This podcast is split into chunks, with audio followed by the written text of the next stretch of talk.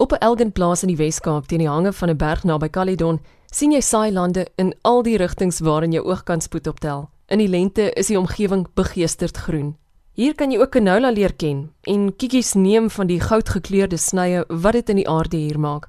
Dit sorg vir 'n kontras wat jou die filter op Instagram wil verskoon, want Gingham of Mayfair gaan hier teen jou naakte lens verloor. Dis net so mooi. Dis ook op hierdie plaas waar 'n storie van omgee en sukses al vir 22 jaar afspeel. Dieselfde vrou wat destyds 100 werfhoenders gehad het vir eie gebruik, sorg nou vir die meer as 130 000 vrylopende hoenders wat weekliks Suid-Afrikaanse kombuise haal. Die is 'n storie van 'n lang blonde vrou met 'n donkergrys bakkie wie se destydse agterplaas kippies in die eerste hoofstuk genoem gaan word in haar memoirs van megaboerdery. Op Jean Groenewald se plaas staan die vroue boer van die jaar toekenninge, so saam met sy twee voorgangerbeeltjies. Dan word die versameling ook daarom in toom gehou deur die eerste prys toekenning van die Nasionale Departement van Landbou, Bosbou en Visserye vroue entrepreneur kompetisie van verlede jaar. Dis nou in die kategorie top entrepreneur prosesering in die Wes-Kaap. Maar jy hoef nie die woorde te verstaan voor jy jou hart hier verloor nie. Want die is nie 'n storie oor rekordlewering nie.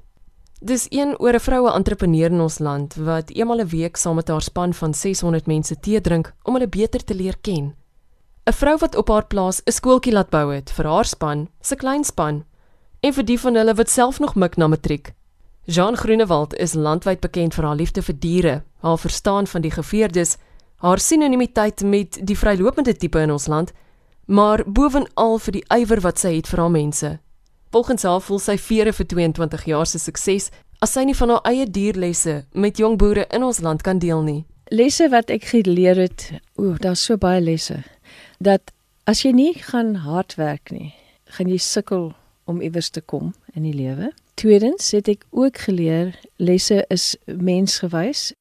Almal wat vir jou werk, probeer om vir almal te verstaan en tyd te gee om mense te laat voel dat hulle belangrik is. Ek was in my jonger dae baie driven and motivated en ek het net gesê let's do this, let's do that en mense het my nie verstaan nie en jy moet sagter wees en baie tyd gee aan mense en dit is belangrik want daai mense is saam met jou in die besigheid. Hulle is jou grootste bate. 'n Vrylopende hoenderboerdery is een met baie spesifieke tipe uitdagings. Ander lesse wat ek moes leer is omdat ek free range doen, was daar geen free range experts in Suid-Afrika nie en ek het baie gevra en baie hulp gesoek en ek kon dit nie kry nie. So ek moes leer deur trial and error in die begin. Een veearts het vir my gesê, "Nee, ek moet hierdie metode gebruik en toe ek dit gebruik het my mortaliteit gesit op 40%. Ons werk gewoonlik op tussen 3 en 5%. So daai 40% het my amper doodgemaak. En toe besef ek maar ek kan nie sy metode volg nie. En ek het gesukkel. Ek was 'n vrou in 'n rigting van free range wat dan nie in Suid-Afrika was nie en in 'n man se wêreld. En ek weet ek het op die Poultry Association se board gesit en hulle het vir my gesê ja, maar die free range wat jy doen gaan al die siektes inbring en alles en ag 3 4 weke daarna was een van die groot maatskappye gestref deur een van die pluimvee siektes wat in die ronde omgaan. Ek moes baie hard beklei om te kom tot waar ek is. Maar ek dink ek weer eens een van die grootste lesse is hard work never killed and as jy passie het you'll find the inner strength to continue and to go for what you believe in.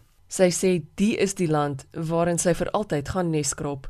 Ek dink daar's op die oomblik baie gesels oor agriculture in South Africa en ooh, as jy mal om 'n plaas te koop die dag wat al die land grabs en land redistribution without compensation gekom het. Ek het seker 2 weke daarna 'n plaas gekoop en almal het gedink ek is mal en ehm um, wat doen jy en jy gaan dit alles verloor. Ek is die I'm the eternal South African optimist. I'll be the last man standing here in ek dink regtig vir landbou in in ons um, land baie belangrik is en en is die toekoms vir food sustainability. Ons het almal het kos nodig.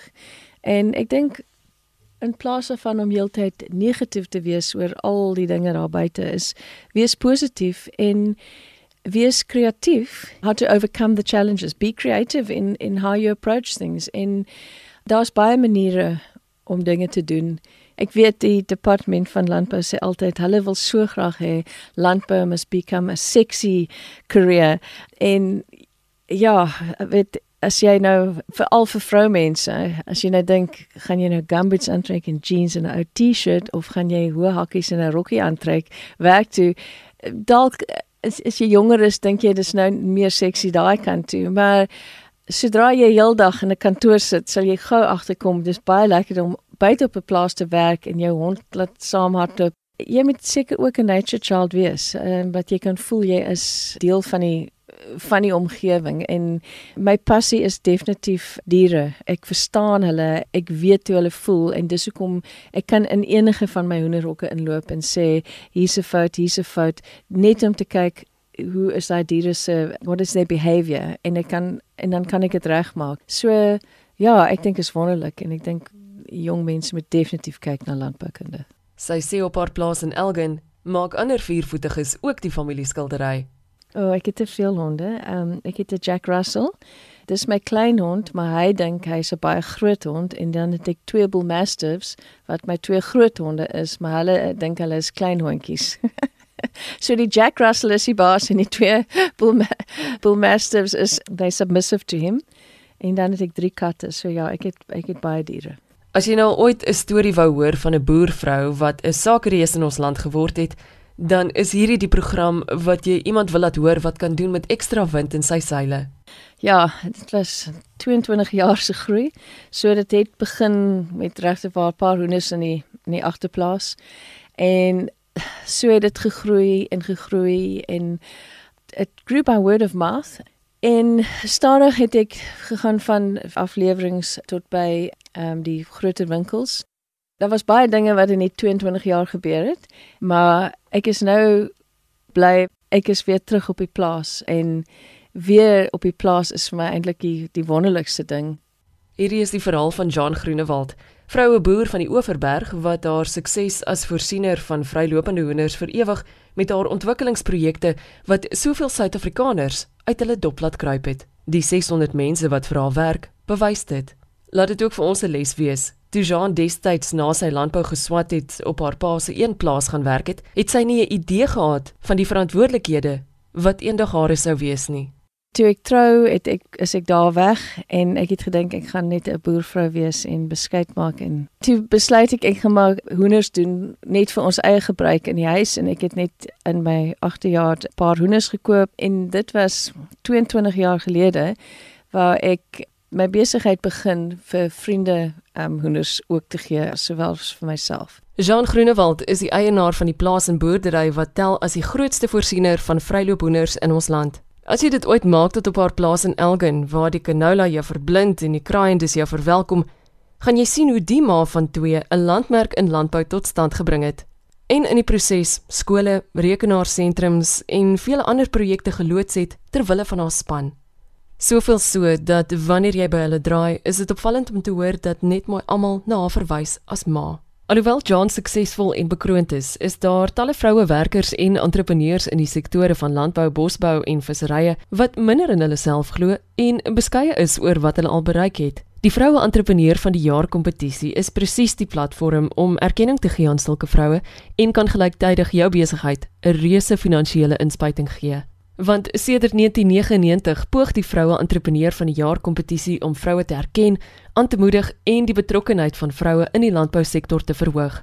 Dis 'n bemagtigingsplatform wat die besigheidsvaardighede van vroue, jong vroue en gestremde vroue vier en beloon. Daar is ook 6 verskillende kategorieë waaraan vroue entrepreneurs kan deelneem. Die is 'n landwyse kompetisie wat gedryf word deur die Nasionale Departement van Landbou, Bosbou en Visserye. Elke provinsie hou sy eie kompetisie en die wenners van die onderskeie kategorieë ding dan ook nasionaal mee. En aan die einde van Augustus word die nasionale wenners aangekondig. Gaan luister gerus weer na hierdie program deur dit te vind op www.rsg.co.za en op elsenburg.com. Ek's Eloise Pretorius. Groete tot volgende keer.